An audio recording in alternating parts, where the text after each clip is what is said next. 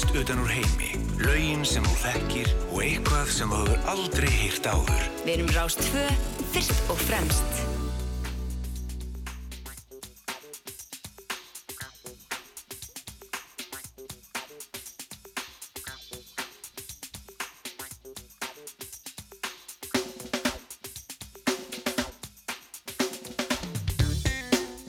Já, komið sæl og blessuð, þá leggjum við að staði fram og tilbaka hér á Rástfö. Ég heiti Felix Bergsson og ætla að vera með ykkur, já, allt fram til tíu frétta og er gladur að vera sestur aftur hér á minn stað.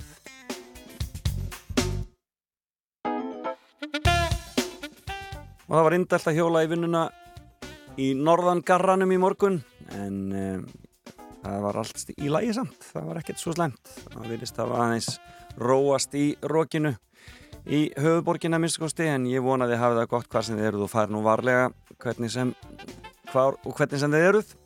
Og um, sérstaklega hefði allir að vera að e, væplast í kringum eða ganga að gósinu að fara varlega. E, það eru miklar fréttir af ímsu e, í kringum það allt saman. Og eins og ég segi bara endilega um að gera að að fara varlega. Það náttúrulega er ekki ennþá orðið opið og við fáum að vita meira í dag um það hvort eru opnað aftur.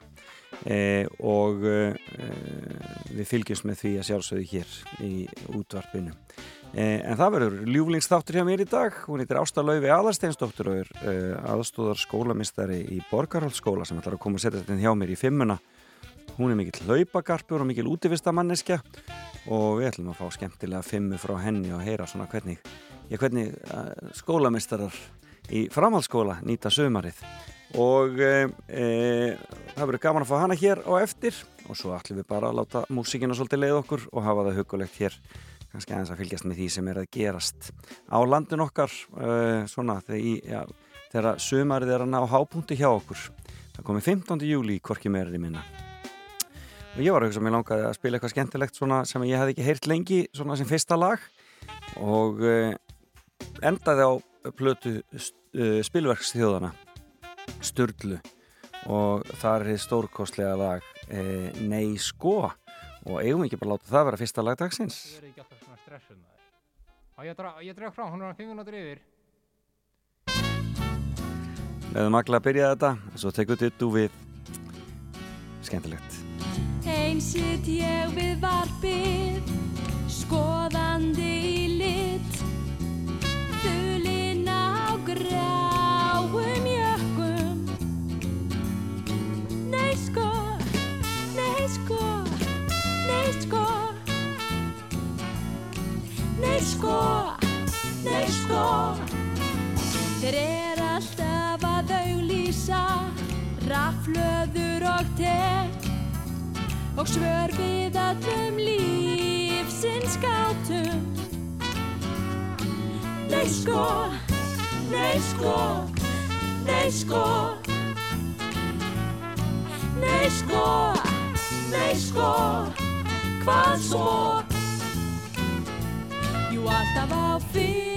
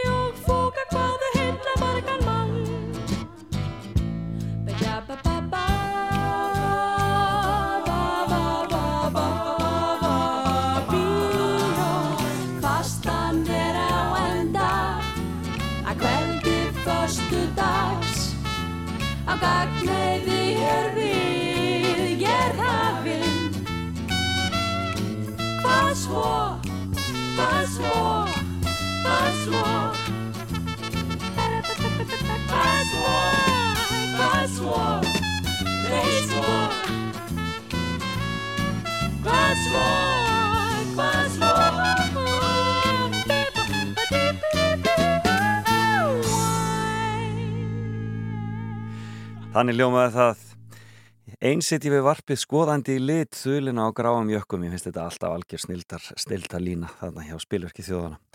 En e, svo ég sé alveg skýr á því sem ég var að segja hér áðan í samfélagi góðstöðunar þá verður endur skoðið í dag hvort opna skuli aftur aðgengi almennings að góðstöðunum við litla hrúgt og e, fjöldi fólks hefur nú þegar lagt, lagt leið sína að þeim eftir að opnað var þarna hvað var það ekki bara daginn eftir að góðsið hófst en svo var ákveð að loka á 15. morgun og það er búið að vera að loka síðan og ástæðin er þessi reikmengun og við verðum að virða þetta og uh, þannig að við býðum bara rólega eftir fréttum af því hvort það megi fara síðar í dag.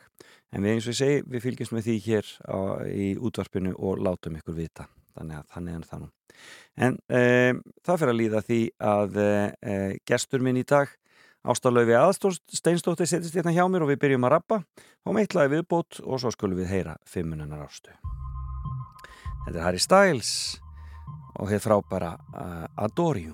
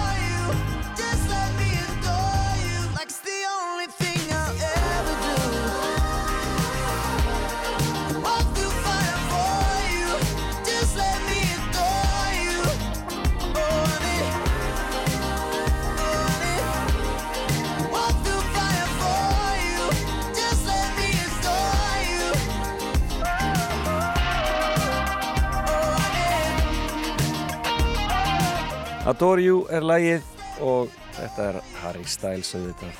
Sá mikli poppari og margir búin að vera að fara á tónleika með honum undanfarið.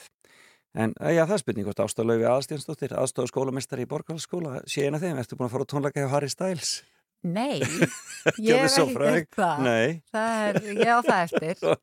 En það eru mjög margir sem maður sér sem eru mjög spenntir fyrir, tónleikum fyrir hérna. þessum já, en velkomin. Takk fyrir Fyrir- Það er kannski aðsnarlega að spyrja uh, framhanskóla kennara hvort þú sért morgunmanneskja Já, já, sko Nei, það má alveg spyrja, þeir, Já. þeir eru alveg misjafnir sko. Já, einmitt, ertu en hérna, morgunmanneskja? ég er alveg sem við myndum segja mjög mikil eh, mjög mikil hérna morgumannaskja ég sko hérna í miðri viku þá vakna ég ég vakna alla daga, ég, ég er mjög ferköntuð Já. ég, ég er alveg mjög manneskja.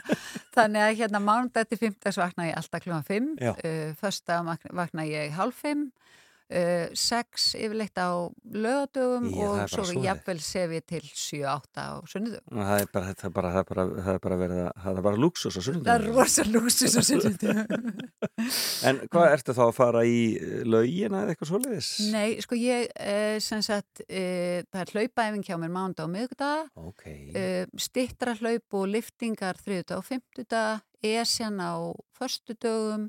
og þetta gerur þau fyrir skóla? Já, svo þægilegt að gera þetta fyrir, þú veist, ég byrjaði þessu fyrir alveg rosamörgum árum, bara Já. fyrir örgla 15, 15-20 árum, þú veist, þá bara þegar ég var einhvern tímann að æfa fyrir marathon Já.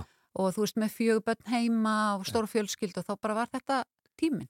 þú veist, að, ókslega gott að klára þetta áður en maður, þú veist, og veri ekki að hugsa um bara ok, nei, ég þarf að sækja, ég þarf að gera þetta eitthvað svona. akkurat. Og ertu þá að fara að sofa bara upp úr, bara um tíu leitið eða ní, milli níu og tíu eitthvað? Ég reyna að vera sopnuð alltaf fyrir 11 Já, ég skil. það tekst ekki alltaf, Nei. en þú veist, ég reyni það en, en þú veist, ég er, sko ég veit að Matthew Walker myndi ekkit vera sjúkla ánæð með mig en, en sko, við, við erum alveg sko, hérna móðurfjölskyldanum mín mamma og Já. bræður mínir við bara erum, sko, eða mamma var mjög áræðsöl, sko, Já. og bræður mínir eru það, Já. þannig að við erum svona Þannig að- ég held að þetta sé líki svolítið í ættum líka Frábært. Hvaðan ertu í, eh, ertu reykvíkingur?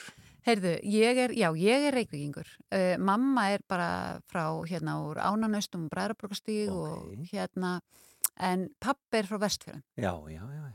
Þannig en ég hef alltaf búið bara í Reykjavík og Kópavogi. Já, þannig að það er bara svoleiðis. Já.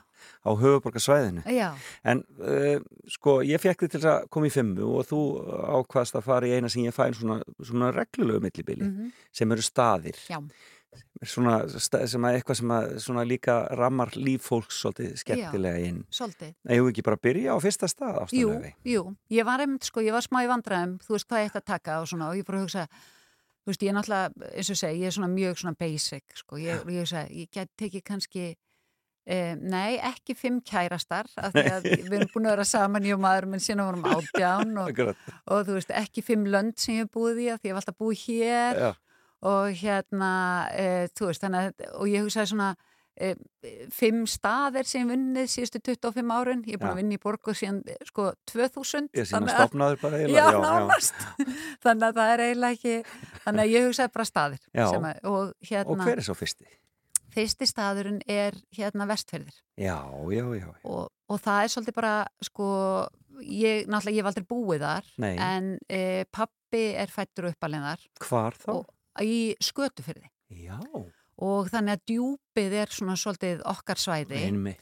og hann sem sagt hérna bara, og svo skrítið, þú veist, að er bara næsta kynsla fyrir ofan, Já. að hann hérna er fættur í Torbæ og var bara í söðskinskóm og bara fór á sjóin þegar hann var 14 ára Já. og þú veist, þetta er alveg rosaleg breyting sko. Já, En mér finnst alltaf, sko, við höfum alveg bara frá því að pínu lítil, það har alltaf verið, þú veist, við förum mjög reglulega í, hérna, sem sagt, í djúpið og þú veist, þó að pappi, til dæmis, afi dóð þegar pappi var bara, hérna, eins og hálsás Já.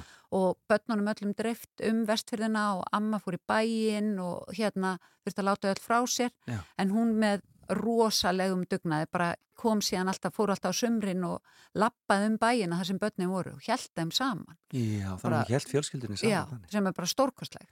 Þannig að öll ættamót og allt svoleiðis hefur verið í, þú veist, Heidal, Reykjanesi, þú veist, Djúpmannabúð og alls konar svoleiðis. Það er stór kostlegt svæði. Þetta er svo dásamlegt svæði. Þetta er bara, mér finnst einhvern veginn, það er eitthvað sko svo á bróði minn, hann á hérna, hann á hús á, semst úr bæ á Langadalströnd, Já, þarna bara beint nýri þegar maður kemur af Stengrisværa heiðinni einmitt. og þannig að við höfum verið mikið þar Og veiði í Langadals á þá eða?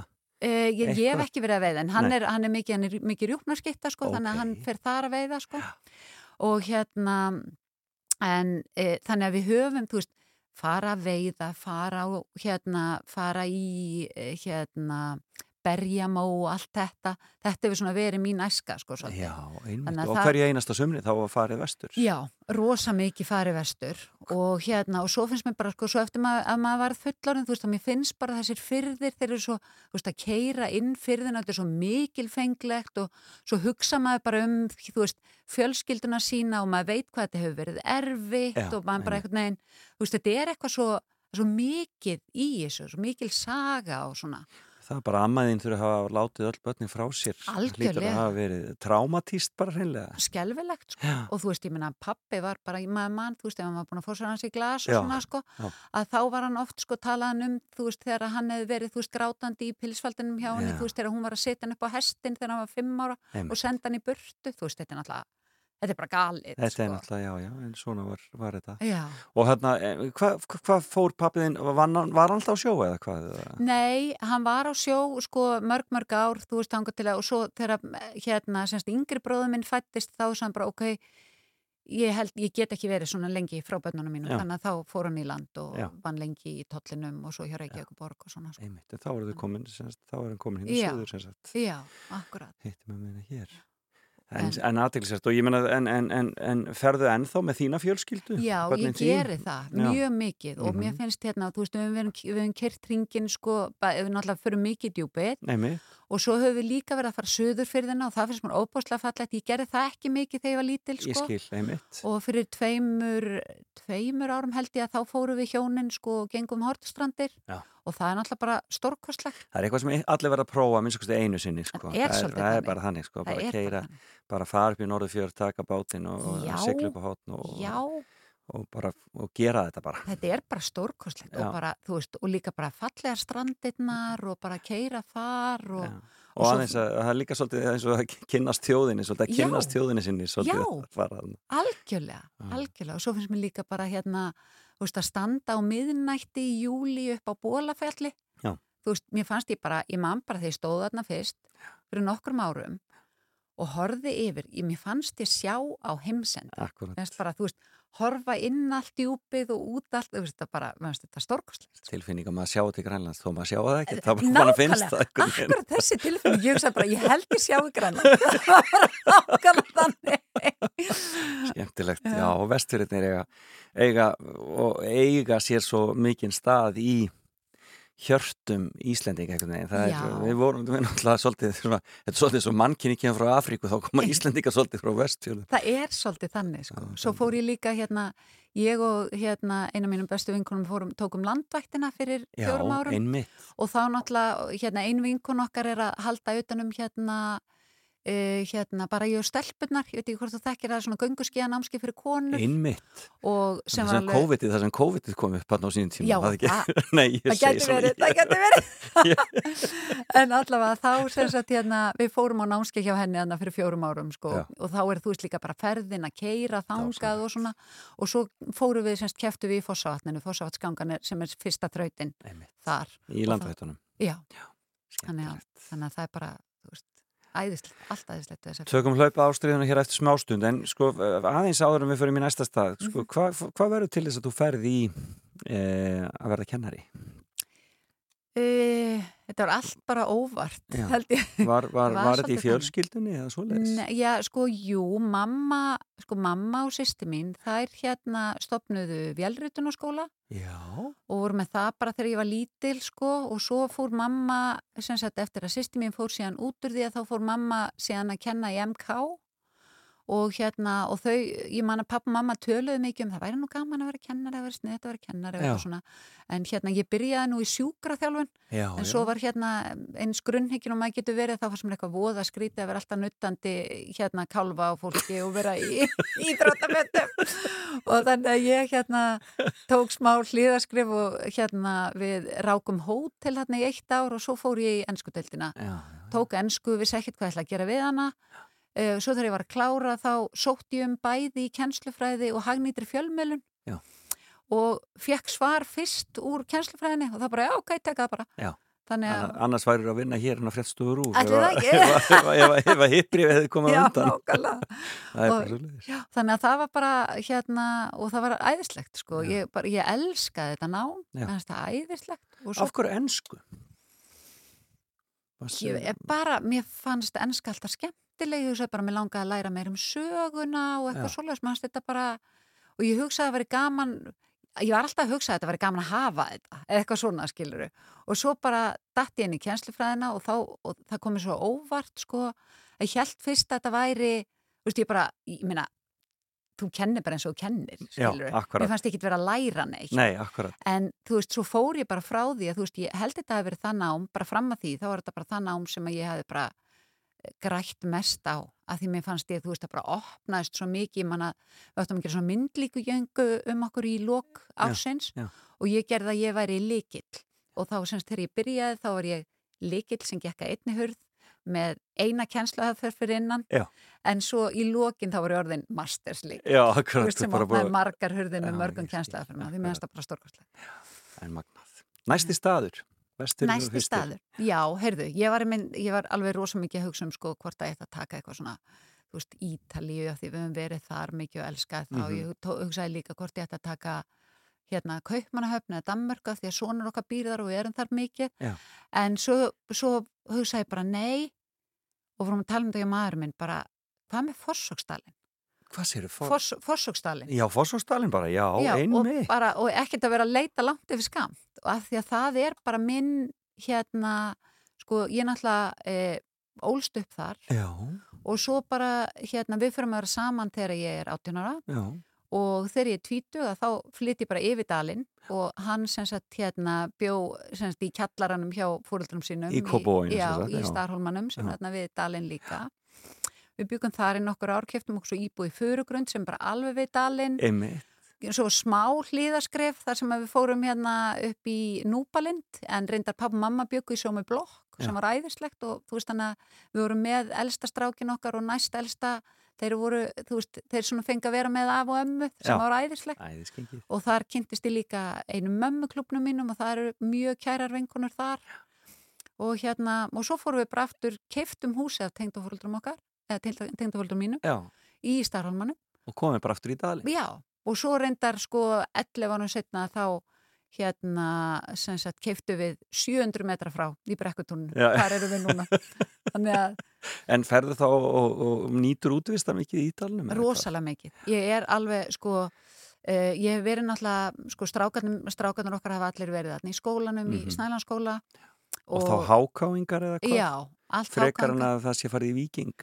Já, sko það við veltum því svolítið fyrir okkur af því að það, þetta breyttist aðeins fyrir nokkrum árum þannig að í rauninni er þetta orðið breyðabliksvæði hvað varðar sko Já, hérna ok. fótboltan Já, ég og við náttúrulega, þú veist, strák, eh, allir strákarnir búin að vera í HK eh, hérna, maðurinn minn var í HK og við Já. vorum bara, við erum HK-ingar við getum ekki farið í, þú veist, græna liðið Já, akkurat. en hérna svo endaði það þannig að yngsti okkar, að hann er sem sagt hérna Eh, hann var orðin eini í Snælandsskóla sem að var í HK í fótbolta þannig að hann fór yfir í, í Já, akkurat. og er semst í breðabliki fótbolta og háká í handbolta. Já, já. Þannig að, erum, þetta er hægt. já, Það- þetta, er- þetta er svo sannlega hægt. sannarlega. En þú veist, ég er búin að vera náttúrulega öll þessi ár síðan þeir byrjuð þá er ég búin að vera, þú veist, ég er búin að vera bekkja fulltrú og þú veist, formaður í öllum, þú veist, fóreldrafélögunum og eitthvað Já.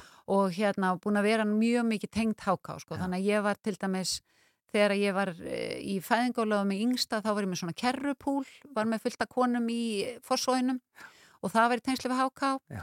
og svo er ég í gönguhóp sem að gengur alla mánudaga, allt áraðin kring bara í emitt fossóinum og upp í Ellegadal og eitthvað svoleiðis og já, og svo erum við bara þú veist, ég, fer, ég hleyp hann á mótnana ég fer út með hundana eftir, eftir mig daginn þannig að ég bara nota rosalega mikið Þetta er náttúrulega dásamlegt svæði. Þetta er bara stórkostlegt, þetta er bara svo Og eftir að hjólaleiðina kom og gönguleiðina allar hérna bæði upp í Elludalinn og, Algjörlega, og allar þessa leiðir hérna, þetta er náttúrulega alveg ótrúlegt. já, það er náttúrulega bara ma- Fylg paradís. Þetta er alveg indislegt, Já. ótrúlega gott að vera þarna Já. Hvað heitir maðurinn? Hann heitir Þorsteinn Hallgrímsson Og hvað gerir hann? Hann er sem sagt hérna, hann er mentaður verkefnastjóri og viðskiptfræðingur Já. Og er að vinna hjá Veritas Já, hérna í Garðabænum. já. Þannig að þið ykkur líður vel í Fossústalunum Alveg ótrúlega. og tekur hann eftir þér þessa, þessa hlaupa ástríðu? Alls ekki. Nei. hann nættir þig alveg með það Já, en hann aftur á móti með sína eigin ástriða, hann er sem sagt hérna rosalega mikill hjólari Já, og hérna hjólar hérna út um allt, hann er að fara til dæmis um næstu helgi er hann að fara það sem heitir Rift sem er 200 km utan vega hjól Já. í kringum Heklu vá Já, það er alveg svaðalegt sko. 200 kílómetrar Já, hérna hér hvað, hann- Og hvað ætla menn að vera lengja því? Heyrðu, hann byrjaði á því að vera hérna, hann byrjaði á því að vera 13 tíma Já. og þá hérna sprakk á hjólinu margsinnis og hann var sko, þegar hann kom þá var satt og Þorsteinn Hallgrímsson er komin í marki og svo bara ekki niður hérna, en hann er komin í sko, ég held hann hafi verið sko síðast að það hafi verið nýju eða tíu sko, þannig að hann er bara stendur sér rosalega vel En skemmtilegt. Þannig að, en, en þannig að við eigum sko svona útivistar á hann. Ég hjóla aðeins með honum, hann kemur mjög mikið á fjöll með mér Já. en svo hjólar hann meira og ég Og þú hleyp. hleypur, já, það er bara líka fínt að hafa það þannig. Mm. En eigið þið bara stráka? Já, bara, að þú ert bara umvafinn kallmönnum bara það er bara svolítið þannig. Ég bara, hérna, þetta er rosa góð sérhæfing. Já, Þannig að ég var, ég man að, hérna, við vildum ekkert fá að vita með, sem sagt, fyrstu tvo Já. og svo, hérna, með þriðja að þá fengum við að vita og hérna, og ég man að þegar ég er að lappa út, þá ég sagði, æ, að við ætlum bara að þrjú segja, æja, ég er ekki að fara að setja veist, fléttur og tíkó Nei, og eitthvað svona og eru bleikur kjólar og eitthvað svona, svo man ég að daginn eftir að þá, þá var ég ammæli í fjölskyldunni og þá segir mamma strax ha, hvað segiru æjæjæj, er þetta stráku þetta þarf ekkert að vera örugt og einhver annar sem segir hérna, eins og þessi algjör örlög bara. Já þetta er bara hræðilegt. Já. og þá manni ég var bara, ha? Byttur ekki æðislegt að eiga strák? Og þá eftir það þá er ég bara, vá, ég er svo þakklátt að eiga þrjá hérna, þú veist, hafa átt þess að þrjá uh, helbriðu drengi. Já. og svo þegar ég var, við erum ófriska fjörða þá fengum við að vita líka. Og þá manni að ljósmárum að bara æ, þetta er fjörði Já, og, hérna, og þá var ég bara geggjað, æðislegt. Og hún var eitthvað svona hugreist að mig Já. og segir eitthvað svona bara, þá segir hún eitthvað svona já, þú eignast öruglega bara mjög góðar Já, tengdadættur einmitt, og er það ekki að gerast eitthvað? heyrðu, ég ánefla tvær alveg indislegar Já, og þær eru bara þannig að þetta geti ekki verið betra Svona átt að vera. Og svo náttúrulega fullt að strákan sem vilja alveg fá tíku og svo leið, þannig að það er ekki, það eins og það sé vandamáli. já, nákvæmlega og yngsti okkar nefnilega var með sko svo rosalega mikla lokka sko Já, bara þannig fyrir fjórum árum Já. ég var bara setjandi í hann fastað fléttu Já, var það ekki? Já, svona er þetta, svona er þetta snýst þetta nú. Nákvæmlega Fjór, eh, þriðji staður áður við fáum eitt lítið lag. Já, þriðji staður, það var, hvað ætla ég að hafa það? Já, Hálendið. Hálendið, Já. hvorki menni með það, það er ekkert smára í Þetta er kannski bara ekki einn af Íslandi staður, já. já. En það var svolítið erfitt að gera þetta öðruvísi Nei. af því að sko, sko 2003 þá hafði ég aldrei farið í Þórsmörk, aldrei farið í landmannlegur. Við höfum ferðast rosa mikið, ég og pappa mamma, Mhm. Já. en alltaf bara á Malbygginu, þú veist, Einmitt. ringveginn Mhm. og alls konar svona, verið í hvíta bottlausa tjaldinu og eitthvað svona, sko. Og vestfyringandi náttúrulega bara sótt í bara þægilega vegi og svona, Já, já. ekki, ekkert vesen. Nei, nákvæmlega, þetta hefur verið svolítið þannig. Já. Og hérna, en sko þannig að e, 2003 að þá gengi fyrst lögavein. Já. Og hérna, e, og svo hleypi hann fyrst 2007 og hérna, og hleypa hann svo aftur 2010 og þá er ég komin alveg fullt í svona utanveganhlaup. Já. Og það er bara, og mér finnst þetta bara allt bara algjörlega dásamlegt að vera þarna. Þannig að eins og Og- trúarlega upplifun að koma hann í fyrsta sinni. Það er svolítið þannig, Já, það er nefnilega þannig. upplifun. Og svo fer maður minn, hann fer í leiðsögunám, Mhm. þannig að þegar ég er ófríska í yngsta stráknum okkar, sem er þarna 2010-2011, og í kjölfarið, að þá náttúrulega er hann bara, hann er hann gungu leiðsögumadur og hann náttúrulega við grættum brjálaðislega mikið á þessu, af því að þú veist, hann læri svo mikið um jarðfræði og alls konar, og hérna, og mikið bara um landi okkar, og þá kaupum við hérna e, Landrover, hérna Defender, Já. þú veist, svona gamlan hjálk, svona trukk á Mhm. upphækkaðan á, þú veist, stórum dekkjum Einmitt. og kaupum svo svona fjallafelli í sig og þú veist, hérna, þetta er svo fyndið að segja þetta hann, ég, sagt, hann var alltaf kallaði Luppi og við fengum, ég, ég gaf honum svona hérna, eh, sem sagt hérna, enga plötu með Luppa Já. og hann er, var mjög úvinn og svona mikill Luppi Já, og þetta er sko, hann var óþægilegur það heyrðist eiginlega ekki, við, við þurftum að kalla á milli hvers annars, það var ekki hægt að loka hurðina það var ekki hægt að opna. Þú veist, það var allt, það var allt við þetta Já. en þetta er eini bílinn sem ég grét þegar við seldum hann Já, af því að hann bara, máli var að hann opnaði bara nýjan heim já, fyrir okkur þú veist, við gáttum veist, við fórum að fara sprengisand, við fórum að fara kjöl, hveravellir, kettlingafjöll, út um allt, allstara fjallabaki og Já. bara, og þessu stórkoslegt frelsi að geta farið á svona staði Akkurat. og með fellísið og strákarnir alltaf, hérna, þú veist, það var bara æðislegt, bara, og svo náttúrulega er ég búin að, Og ferðu þá hverju sumri núna upp á Hólandi eitthvað? já, eitthvað, eitthvað. Þú varst að koma lögu inn núna? Já, vorum að lauga veinu núna og vorum, sem sagt, ég er náttúrulega búin að hlaupa uh, tölvört oft Já. og svo er ég hérna, en ég held bara að besta laugavegsferðin hafi einmitt verið þessi sem ég var að klára núna. Já.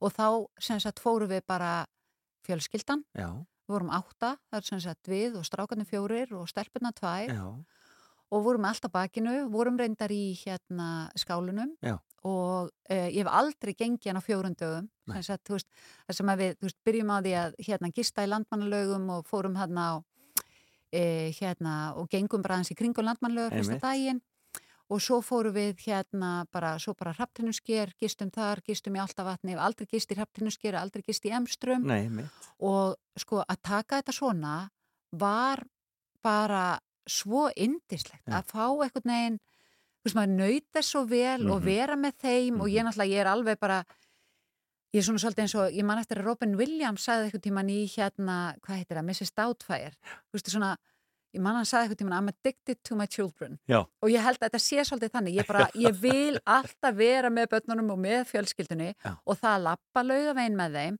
og þú veist, já það til ég er svolítið gaggrind fyrir það að ég fyrir aðeins á undan Já, en þú veist, að snúa mig við og sjá þau lappandi saman og þau eru svo góð saman þau njóta svo samvistana og bara, þetta er bara best í Já, heimi það var bara æði Dásanlegt, Já. hljómar vel. Já. Við skulum taka okkur smá pásu. Já. Þú baðst mér um lag með Danny Aieo, já, þarna Fly Me to the Moon. Hvað, hvað getur sagt mér um þetta? Af hverju, af hverju þetta lag? sko þegar við Steini fórum öll saman að þá var nýkomin út hérna myndin Once Around Já. sem er með Danny Aiello uh, Holly Hunter og hérna Richard Dreyfuss og þetta er bara eitthvað svona æðislega fílgút mynd sem að varð svona myndin okkar skiluru og hérna og þar sem sagt syngur hann þetta lag og svo eru við sem sagt svo eru miljónumæringarnir e, þeir eru með þetta lag hérna Einmitt. á Bókumil Font og það er svona svipun tíma svo þetta spilað í brúköpun okkar veist þannig að þetta er svona þetta er svona ykkar lag. já þetta er svona fílgút eitthvað svona já. Við skulum fljúa. já. In other words, baby, kiss me.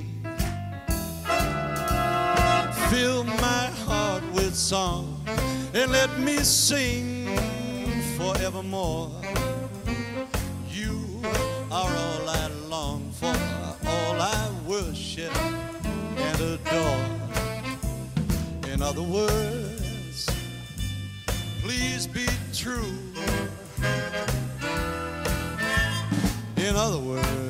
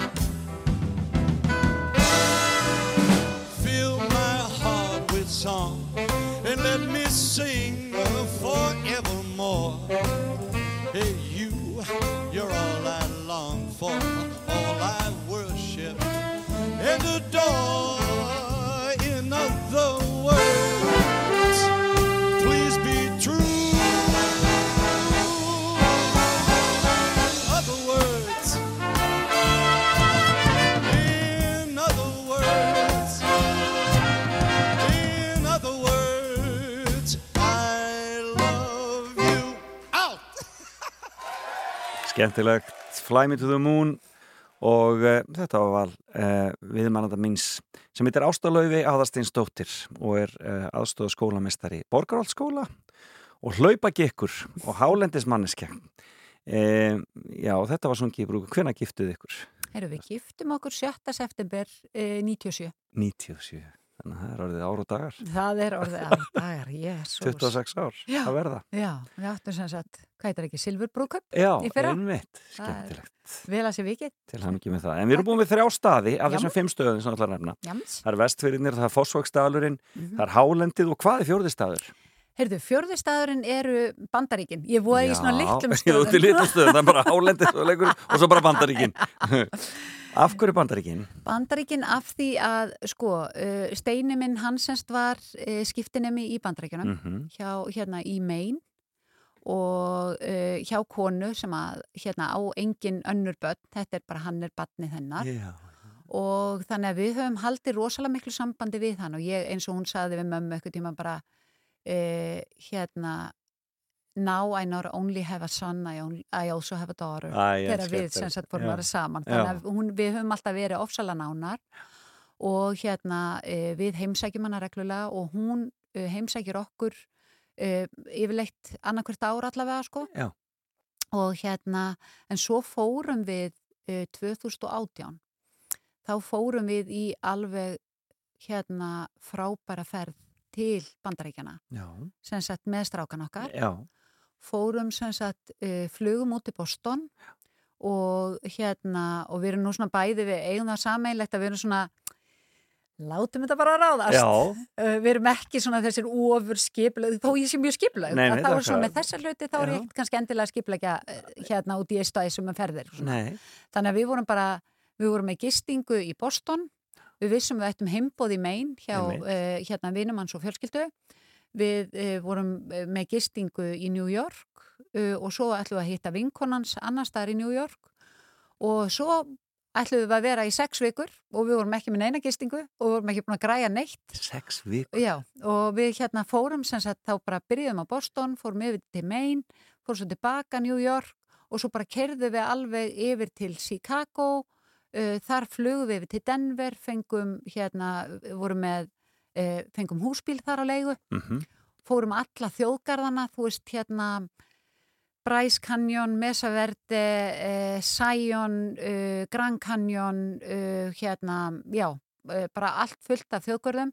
Endum hérna neyri fórum til Arizona, endum síðan í Las Vegas og kerðum svo upp alveg og hérna, og fórum heim frá, Las, nei, nei, frá hérna San Francisco. Já, hérna, það er bara tekið bara þetta eins og það lagði sig bara Já. eiginlega Það var bara svolítið þannig. sko. Já, á sex vikum Já, Og uh, hvernig kom Amerika þér fyrir sjónir? heyrðu, Bandaríki? bara, hún var bara framar björtustu vonum. Já, það var bara svo Algjörlega, það var, sko, við, þannig að keirum við 10.000 kilometra Já. og ke, nú segi ég, keir, við keirum, ég keirum ekki neitt Steinisett keirði alla leið en ég var skemmtarnastjóri Já, það var sem er mjög já. mikilvægt, Já, mjög mikilvægt. Já, með fjóra drengi í Já. aftursætinu Já, Já. Og hérna e, sem sagt þannig að sko mér, það var, að, að, þú veist að því það er alltaf þessi stereotýpa bandarækjumenn séu svo yfirborskendir Já, og já, þú veist, mm. það ristir ekki djúft eitthvað svona. Allstar þar sem við komum þar hafði fólk svo mikið áhuga á okkur Akkurat. og það var svo mikið að leiðbin okkur og það var svo mikið að hjálpa okkur, þú veist, að finn, fá sem mest út úr ferðinni og bara, þú veist, og svo fannst mér náttúrulega bara þegar við komum þarna og förum í gegnum þarna miðvesturíkin og erum að fara þarna Colorado og Utah og þar Mhm. að þú veist, þar sem við sjáum sko frumbyggjana og sem að eru bara mér finnst, og það er svo trist sko Mhm, að, að sjá bara það svo mikið fátækt Mhm. og svona sko að hérna, þú veist, þannig að við fengum bara allar tegundir sko Já. að hérna, en þú veist þjóðgararnir æðislegir og tjaldsvæðin, þú veist, maður að kynnast fullt af fólki sko, Já, bara sem að var með sko, sko 30 metra rútur einmitt. og svo í afturdrægi voru þau með jeppa og þar á, veistu, þetta er gali og svo eftir, e- eftir sem sagt hérna e, er það 30 fett, það verið 30 Einmitt, man ekki já, alveg, já. allavega. Og hérna, og svo sem sagt hérna e, jeppi eftir drægi og svo jafnvel bátur á eftir, Eftir því. Já, og þeir þetta er bara þú veist, þetta er risa sko. Hvað ætli, s- s- sábíl eiða á hundraðið? Nákvæmlega, og ég var í- við hitt eitt mann til dæmis í Mesa Verdi og þá var ég eitthvað svona spjalla við hann og hann, já, er því lönguferðaleg ég alveg gerði mér rosa breyða bara, Já. já, heyrðu við erum hérna í sex vikur í bandaríjónum en þú, hann, já sko, ég hérna er frá Connecticut og ég ákvað bara að- ég hætti að vinna og leiði út húsi mitt.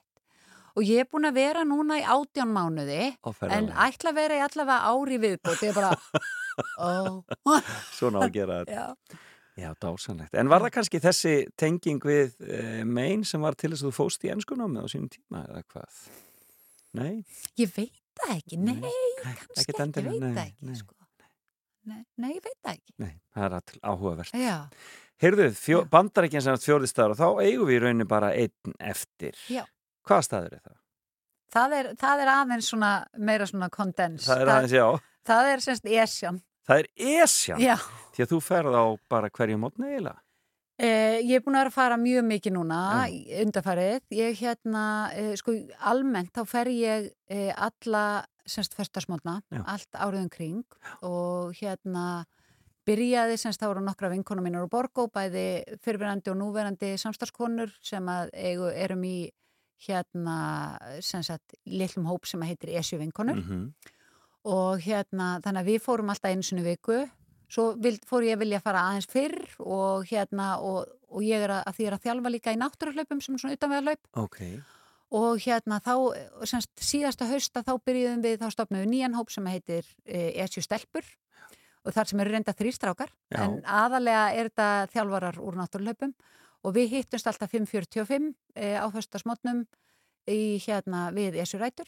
Og Sama í hvaða veðri? Já, við erum, samt, við erum ekki fáiðar Nei, þannig að þú veist, við förum hérna, við reynum að fara ekki hérna, við, þú veist, ég meina, en við förum nánast alltaf Já. þú veist, við förum í hérna allri færið og öllu svoleiðis Já, sko. það þarf að vera alveg hrikalegt veður til þess að fara ekki. það þarf eiginlega að vera þannig, sko og það er svona svolítið áttin sem skiptir máli, sko En verður þetta ekkert leið ekki henda fór alltaf sama, Nei, sama fjallið? það er svo fyndið það er bara, þetta verður aldrei leiðikjönd og núna til dæmis er ég, af því ég var 50 í hérna apríl, Já.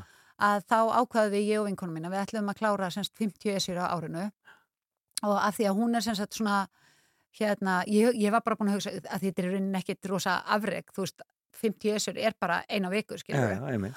en hérna eða, veist, og ég er, ekki, ég er ekki að gera lítið úr því auðvitað er þetta kannski fyrir, er, finnst mörg mörgum það afreg, sko. En hérna, en e, þú veist, og ég hugsaði bara, ok, bara tökum þetta bara rólega og við ætlum að taka sérst, það er eiginlega hennar fyrirmynd að hugsa alltaf um hvert aldursár Já. þú veist, þannig að þegar þú ferð á þú veist, 50 esuna þá ertu 5 ára Já. þegar ertu 10 esu þá ertu 10 Tíu ára ára, já.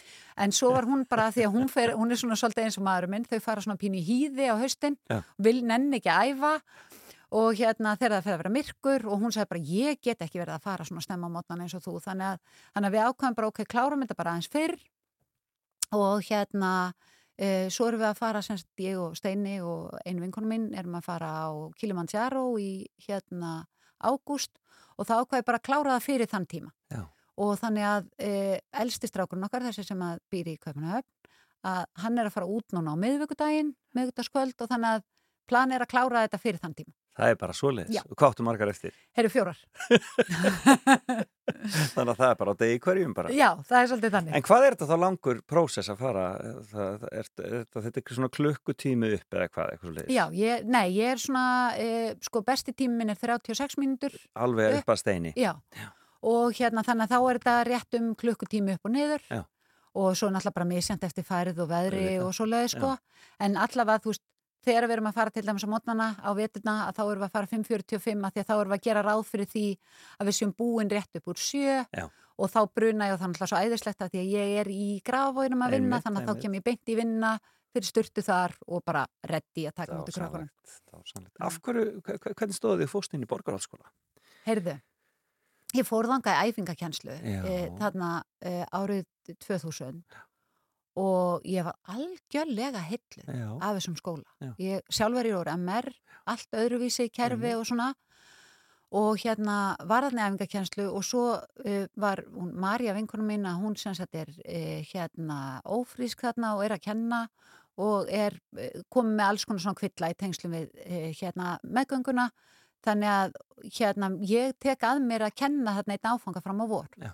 svo bara sæki um og hérna, ég man að e, mamma var í MK þarna og vildi fá mig í MK og hún létt mig keira með sér eitt kvöldið, sko Sérðu, þú ert sjö mínútur í, Já. í MK, hvað ertu lengi í engri umferð upp í Borgarholtskóla? Já, akkurat. 17 mínútur og hérna, en, en ég er svolítið þrjósk Já. þannig að ég, það var, mér var ekki snúið Lést ekki stjórna þér í þessu Nei. Nei. og ég hef sko alls ekki séð eftir því og þetta er bara, þetta er fjölbreyttur metnaðfullur og frábær skóli, það er svo frábært starðaðna og mér hefur aldrei langað að fara neitt annað. Nei, Þannig að ég er búin að vera náttúrulega í alls konar stöðum mm og ég er hérna og sko, ég meina, ég átti eitt batt þegar ég byrjaði, fjögur núna.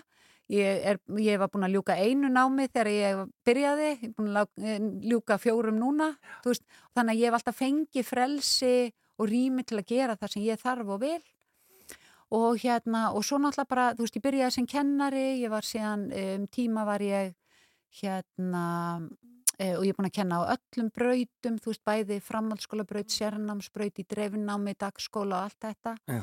og hérna svo eh, síðasta námi mitt var hérna mannustjórnun Já.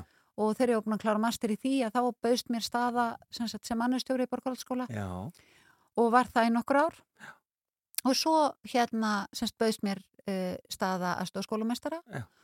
og hérna var semst fyrst í aflýsingum, sótti síðan um og fekk hana. Og hérna svo leist ég af sem skólamestari í fyrra. Já. Og hérna bara ég, þetta er, þetta bara er minn staður Þetta er bara bara, staður, já, þetta verður bara svona eins og önnu fjölskylda. Já, þú veist, það er bara þannig. Og heldur þú sambandi við krakkana? alveg Eitthvað. rosalega mikið. Já. alveg rosalega mikið. Það er bara, ég hérna og ég elska, ég elska þau hafi samband, bara í gær að þá var nefandi minn bara, hæ, heyrðu hérna, mér langar svo og þetta er stelp sem ég hef aldrei kent ég bara, Já. af því að ég held utan um félagslífi líka já, sko, einmitt. og hérna hún hefur verið mikið í félagslífinu og hún bara, ég er að sækjum hjá Æslandir sem flugfreyja, viltu vera meðmælandi minn? Og mér þykir svo vænt um þetta. Já, þetta er veist, þetta er indislegt veist, að, að hérna og þetta er svona best. Og ég einhvern veginn ákvað líka sko e, ég ákvað þegar ég fór í stjórnunastöðu að því man að þá var ein e, hérna e, samstarskona mín sem að saði æ, nú missur, missur alveg sambandi við nefendur Já. og ég bara, mm, ég held að sé alveg undir mér komið Akkurat Veistu, ég ætla aldrei að vera aðstofa skólameistarinn sem engin veit hver er. Þú veist, ég ætla ekki að vera hérna, æ, hvað heitir hún aðna, þessi sem er á skrifstofu, Já. eitthvað svona. Þú veist, ég ætla að vera ásta sem er aðstofa skólameistari og þið þekki mig. Þú veist, ég vil, ég vil tengjast ykkur. Og þannig að ég, hérna, byrja alla mótna og því að standa í andirinu, taka á móti þeim.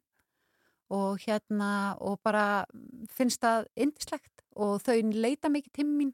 Og þú veist, að því að, og þá treystaði manni og ég er mikil nammigrís og ég er alltaf með margar skálar af namminni á mér og það er bara ótrúlega margir sem koma bara alltaf fá nammi Já, en svo þegar þeir eru sestir og fá sér nammi þá er og þá byrjar að tala um bara, æ, heyrðu, ég var í félagsfræðiprófu, gekk ekki alveg nógu vel, eða eitthvað svona, þú veist. Þannig að það er aðeinslegt. Ég elska öll samskipti við nefnendur og við starfsfólki. Dásamlegt Ástoflega, tíminn hlaupið frá okkur, við getum talað hér í allan dag. Já, ég að. En þarna, ég þarf að láta leifa þær að hlaupa. Já, það, þú ert að gera Senda þið út í sumarið. Já, Kæra þakki fyrir komin í framtöku baka dásamlega að kynast þér. Sömulegis takk.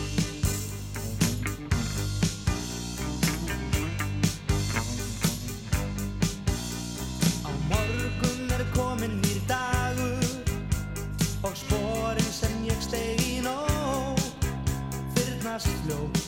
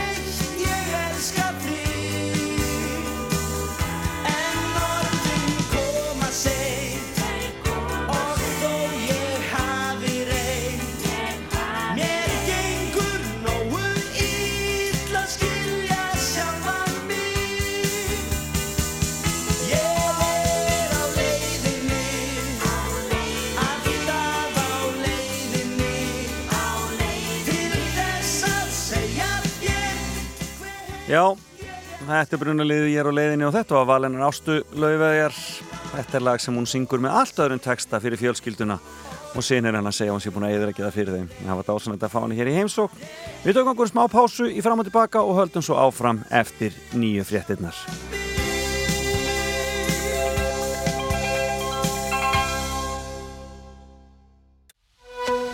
Ný íslensk tónlist, þessi gömlu góðu og eitthvað sem kemur á óvart. Við erum Rástvö, fyrst og fremst. Og við höldum áfram í þættinu fram og tilbaka.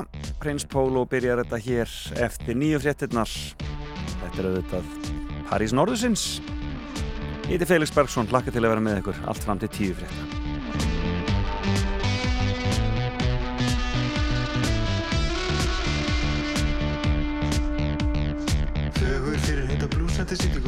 Hullar nöfnfötum í greinjandi rigningu Stími heim í heiðadali Góður strákur á velu bali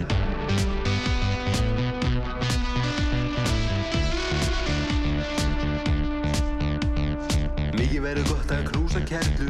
Erlu, erlu, erlu, góðu erlu sem giftist mér því ég kunni að skaffa. Sjómaður og sonur að snappa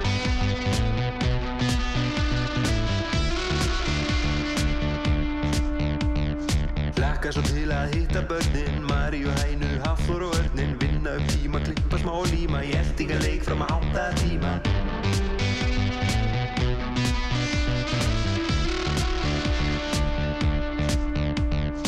Afi, ég þekki ekki annað. Afi, var harmenni annað var mamma. Sultuslög nunna, sýstir mín Gunna, funna, brósi Var öruglega á ekki vinn frendi Rendi mig æskunni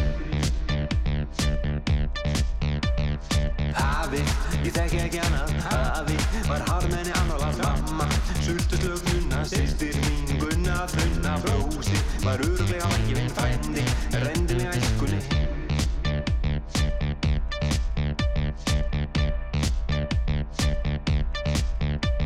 Þegar heim er komið býður mín flaskan og á tröppunum stendur ferðartaskan Erla góða fór með vini á hestbak. Síðastir túr hann kerði um þverbak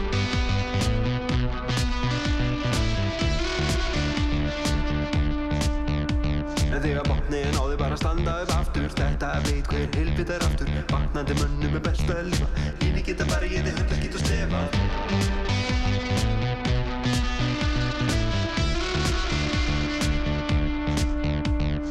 Hafi, ég þekki ekki annaf Hafi, var harmenni annalar Mamma, sultu slögnuna Sýstir mín, gunna, gunna, brósi Var öruglega vangi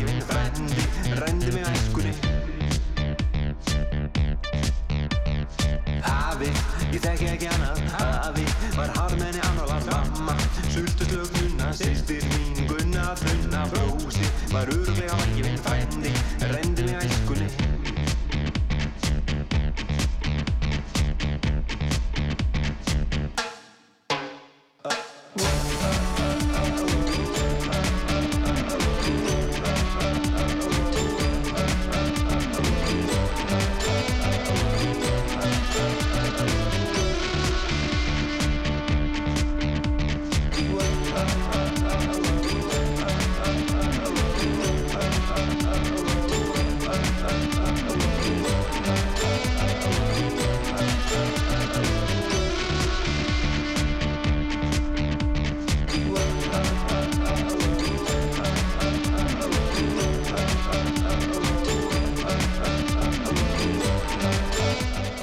Parísin orðisins Þetta var auðvitað eh, Prins Pólo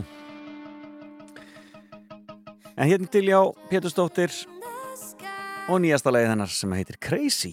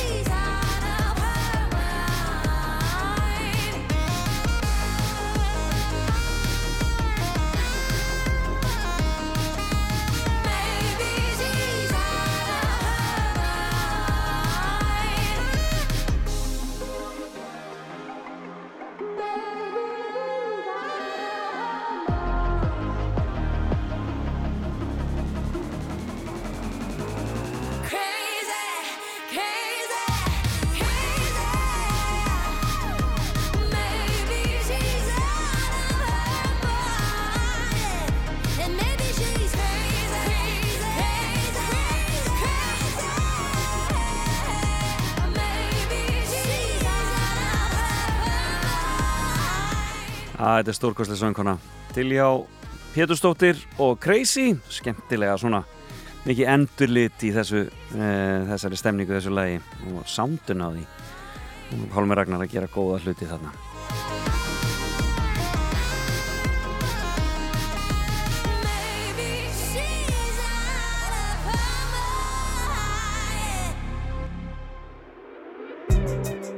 Þú ert að hlusta á fram og tilbaka á Rástföð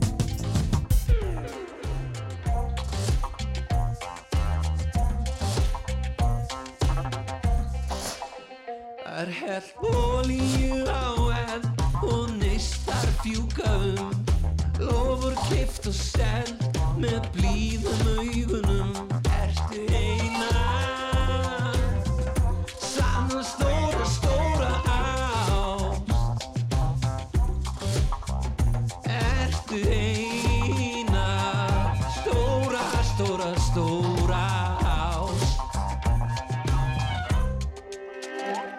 Loftið er hlaðið háspennu Meir en orð fálýst. Taugabóðin í blóðinu Svo trillt og káttís Ertu eina?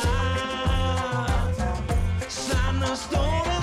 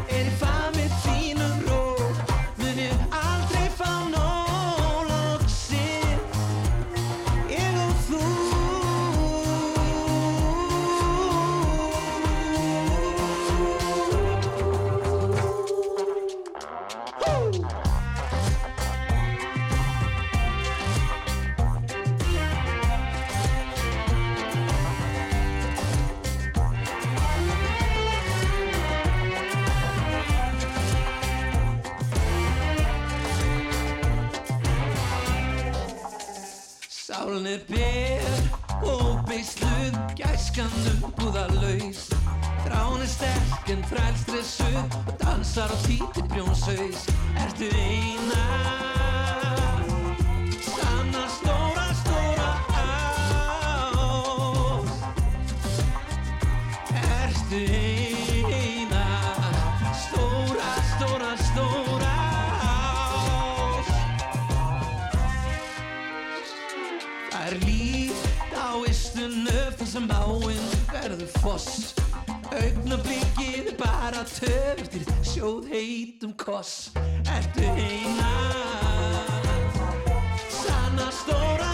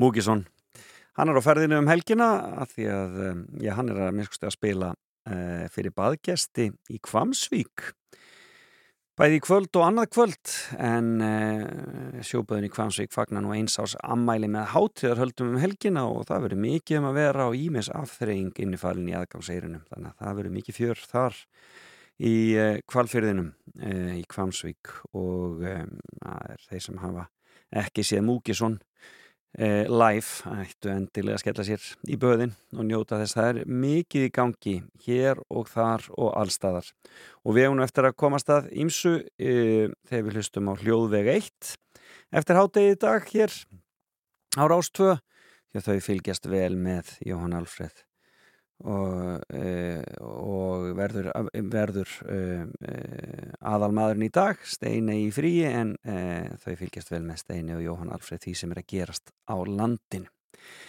Ég var eitthvað að skoða svona gamla íslenska músík svona í tilefna 40 ára ammæli Rásatvu og þá rakst ég á eitt gamalt og gott sem ég fannst alveg nöðsynlegt að lifa ykkur að heyra. Ég veit ekki hvort þið muni eftir þessu. Þetta er tónlistamæðurinn Bjarni Tryggvason og lægi hans frá hvað 1986 held ég að sé? Það heiti Keftakjerling og hljómar svona. Eh, Jarni vakti mikla aðtekli á þessum tíma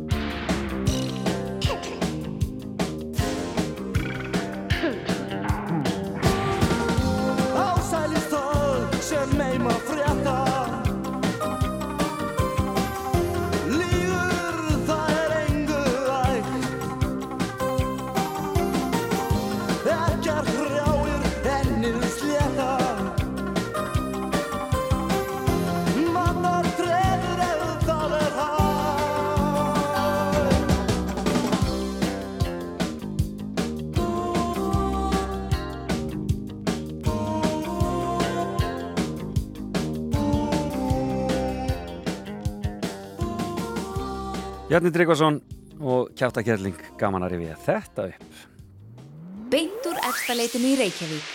Fram og tilbaka á Rástvö. En þá er það Páll Óskar og nýja lægið hans sem heitir einfallega Galið gott Þú skilur mig líkt og þú lesir hugsanir Kottu til mín og fast Famlægið endur hleður allt. Það er eins og hjartslátturinn Segjum mér að ég sé ástfangin Ég get svarið í rauninni Sálin mín full af sólskinni. Sérðu það á andlitin á mér Hvað ég orðin er ástfangin af þér. Það er svo galið elska aftur. Galið gott að elska aftur. Finna hvað ástir er geggjaður kraftur. Galið gott að elska aftur. Það er svo galið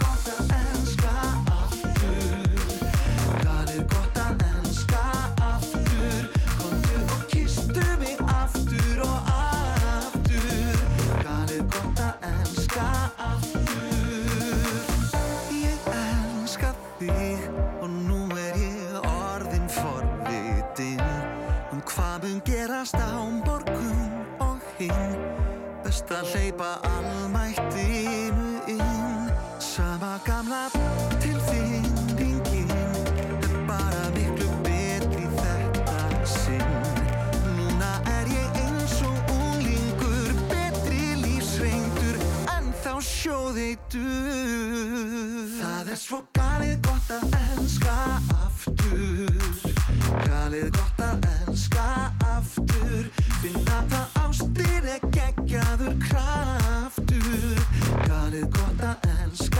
aftur. Það er svo galið gott að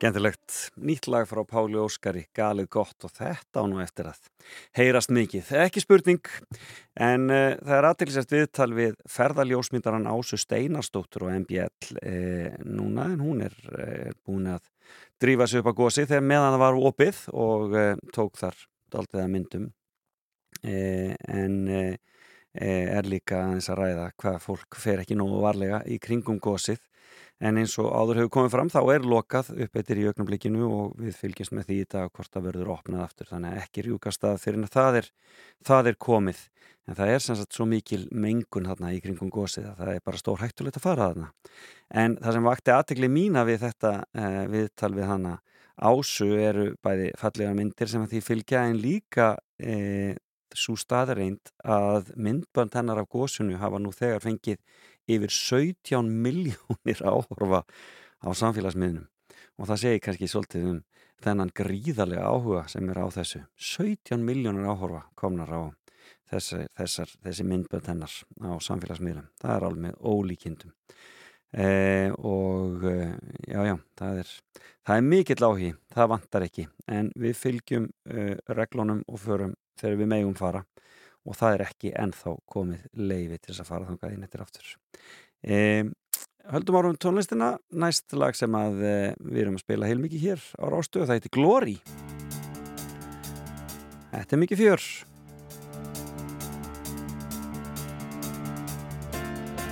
Let me tell you a story of a girl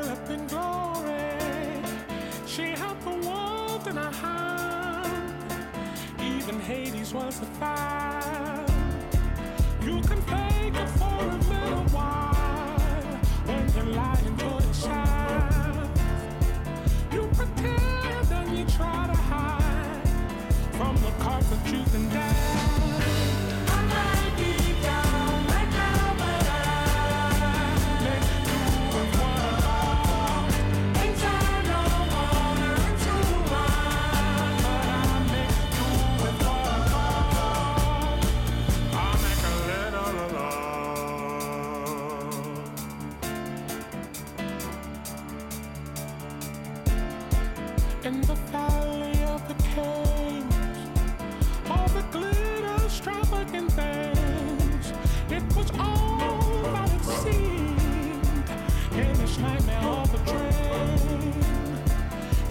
Bye.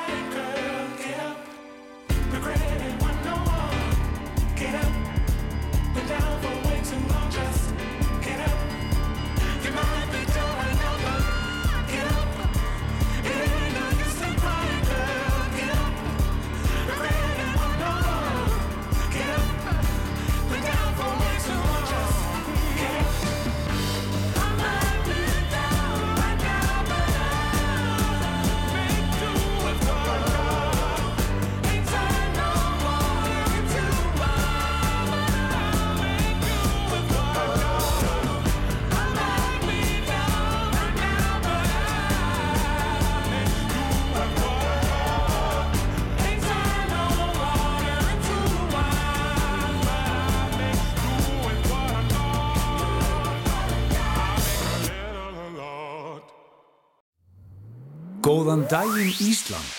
Fram og tilbaka á Rástvö.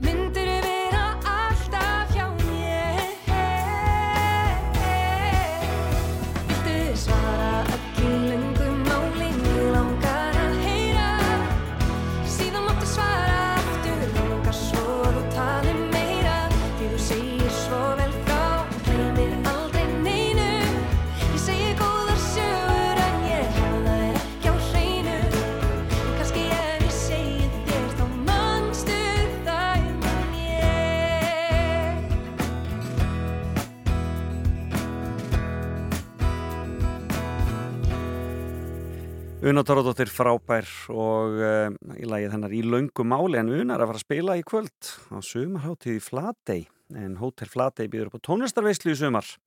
Og í kvöld er það Una Torfadóttir sem er að spila og eftir viku er það hljómsettin Ske með grunna nú að það sé ákveðin vina hópur að fara og það er já, alltaf svolítið sama fólkið sem er þá helgina í, í Flatey þegar Ske spilar á, á Hotel Flatey En það er sem sagt eh, mikið fjör hérna og mikil dagskrá og eh, já, ég sé hérna Salkasól, mín ágæta samstagskona, hún ætlar að vera þarna 29. júli.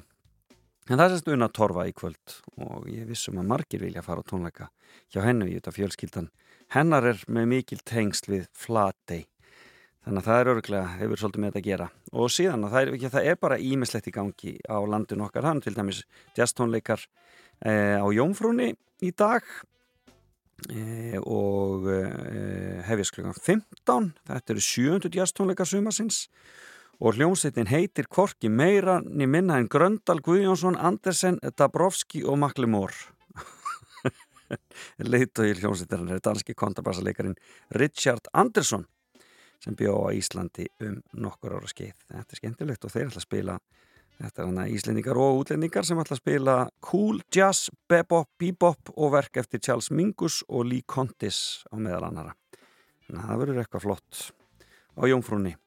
E, síðan er það e, á Eirabakka, þar er hátíð að byrja sem að heitir e, Hafsjór, Oceanus eða Hafsjór, Dálítilsjór og hún byrjar í dag lögardag klukkan 14 með opnum síningar e, og þetta eru bara allskins já, allskins listsýningar sem að þarna er verið bóðið upp á. Þannig að það eru þáttaköndur eru 20 listamenn frá ýmsum löndum. Og e, þau hafa öll valið og eirabakka og unnið að listsinni spennandi, þetta er sem sagt alveg þess virði að fara að tjekka á því. E, og e, síðan er e, kvikmyndaháttíð sem heitir Hornstrandir Film Festival já, hefst á morgun sunnudag. Og e, e, þetta er svona já, þetta er doldið svona óvinnulegt, þetta eru svona myndir sem snerta e, lofslags, náttúru, dýra og heilsumál. Og, e, og e, allar upplýsingar má finna á web, webnum á hortstrandirfilmfestival.com og má líka fylgjast með þessu á Facebook og Instagram. Spennandi, já já. Og svo er það e, lunga fyrir austan. Spenntur alltaf fyrir þeirri ótrúlegu hátíða svona, ég bara menningar veistlu sem það er í gangi. En þetta er að klárast hjá þeim bara uh, núna um helgina.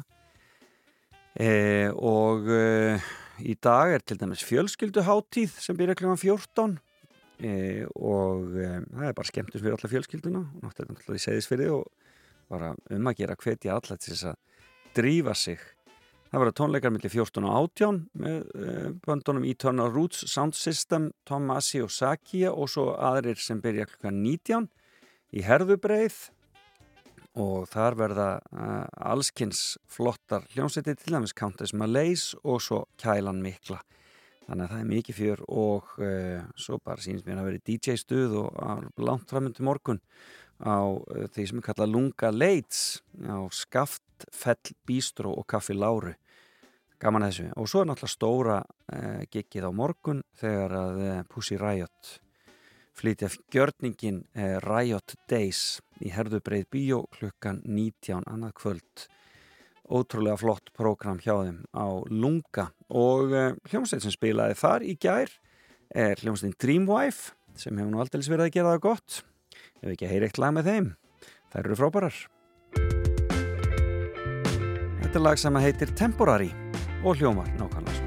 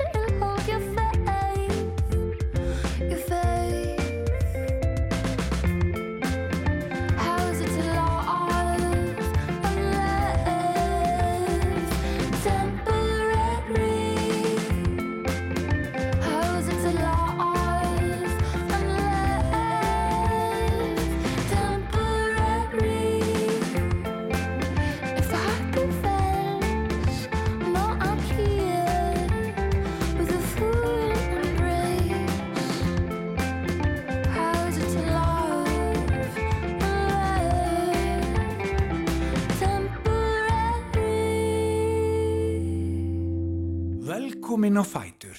Fram og tilbaka á Rástfö.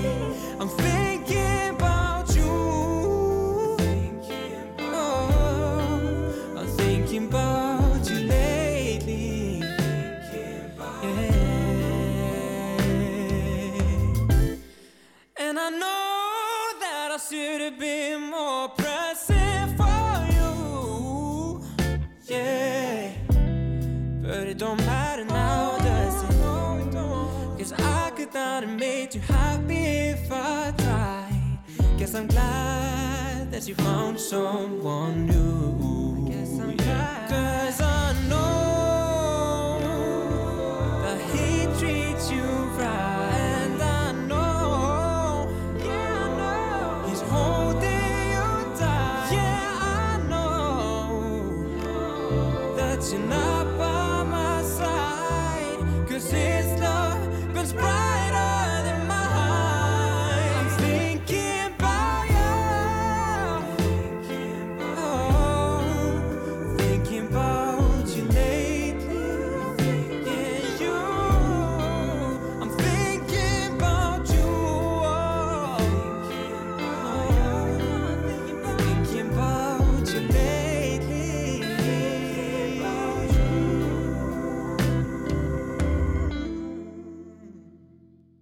Birgir Blær, Thinking About You, þetta er uh, nýtt lag frá honum og þetta er náttúrulega tónlistamæðurinn sem að uh, já, sló í gegn í Svíþjóði fyrra. Uh, já, það verða 21 meiri sér þegar hann segir að ædolsöngakefnina á TV4 í Svíþjóð og síðan hefur hann bara búið í Svíþjóðunni þar við tónlist. Og já, þetta er bara færlega flott sólag hjá Birgir Blæ, vel gert, glæsilegt hjá honum. Ef við ekki fá smá sumar. Hér er BSI og Vesturbæðar Beach. Þetta klikkar ekki.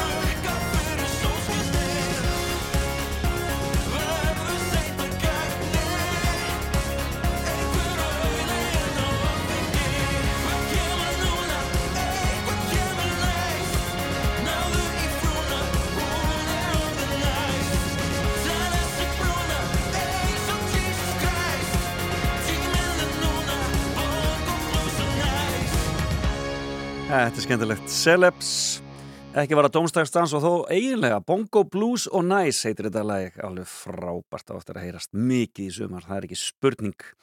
En uh, þetta er að verða búið hjá mér í dag, hér í fram og tilbaka. Það verður uh, þáttuninnar Sölku, eða þátturinn Salka Sól kemur hér á eftir, en það er Sigur Þorri Gunnarsson sem stjórnar þeim ágæta þætti í dag. Enda er Salka í sumarfrí og uh, hann ætlar að vera með þemaþrennu sem verður um lestar. Hann verður með franska lagið, alþjóðlega lagið verður frá Ítalíu en fyrst og næst verður það bara notaleg tónlist í anda Sigga Gunnars og Sölku. Nei, bara nákvæmlega eins og það á að vera. Síðan eftir háttegið er að hljóðvegur 1 og Jóhann Alfreð verður þar í fararbrotti og síðan er það árið er og nú er það 1984 og um, það er á nú margt eftir að komast koma við sögu. Ég veit að margir býða spenntir eftir árið er og það er náttúrulega hægt að ná þessa þætti á hlaðvarpsveitum og ég veit að þátturinn þessi er komin inn en svo eru margir sem vilja bara hlusta á þetta í línulegri dagskrá núna klukkan fjögur í dag og e, í dag er búið upp tóndæmi með grafík, Bjartmari Guðljósinni, HLH, Íkarus, Ego Hemma Gunn, Pax Vopis Stuðmönnum, Kikk, Messoforti Þussafloknum, Das Kapital, TikTok Sverri Stormsker, Dúkulísum Tíbra og Kukli, Kahn og fjölmörgum öðrum. Þetta er náttúrulega verður alveg þetta verður einhver veislan í, bara, maður bara býður sko með, með, með öndin í hálsinum eftir þessum skemmtilega skemmtilega þætti árið er og svo í kvöld Partizón 95 og árið er 1996 þar, það verður eitthvað skemmtilegt líka já, fullt í gangi en af því að við erum með 1984 og það var minnst og das kapital eigum við þá ekki bara kíla þetta Hér er Bubbi eins og hann gerist bestur. Þetta er blindsker.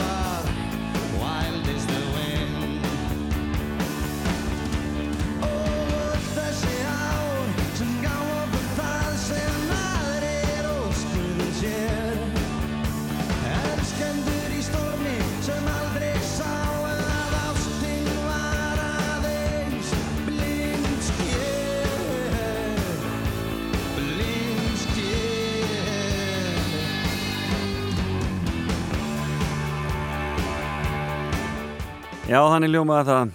Blindsker, Bubi Mortens og Das Kapital. Þetta er búið hjá mér í dag. Ég, ég þakka gesti mínum, Ástur Laufi Aðarsteinsdóttur, aðstofaskólamestara hjá Borgarhaldsskóla fyrir komuna. Frábært að fá hana hingað og heyra fimmunennar. Það voru fimm staðir, Vestfyrðir, Fossvórsdalurinn, Hálendið, Bandaríkin og Esjan og ef þið viljið hlusta á viðtalið hana Ástur Laufi þá getið farið inn á vefin og náðið þennan þátt eftir smá stund og svo verður hann líka inn á öllum hlaðvarpsveitum, inn á podcasti. E, tilvalið að taka með sér í hlaupatúrin eða göngutúrin eins og Ásta myndi gera. Hún er ótrúlegur hlaupagikkur og segir skemmtilega frá. En e, ég verð hér aftur eftir viku. Það verður Siggi Gunnar sem tekur við í þættunum en að sölku hér á eftir og svo haldið þið bara áfram að hlusta á Rástvö fylgjumst með fréttum á góðstöðunum og öðrum fréttum hérna og þaðan að landinu farið varlega hvar sem þið eruð. Það eru válind veður í norðanáttinni þessa dagana. En eh, heyrumst aftur eftir viku. Bless, bless.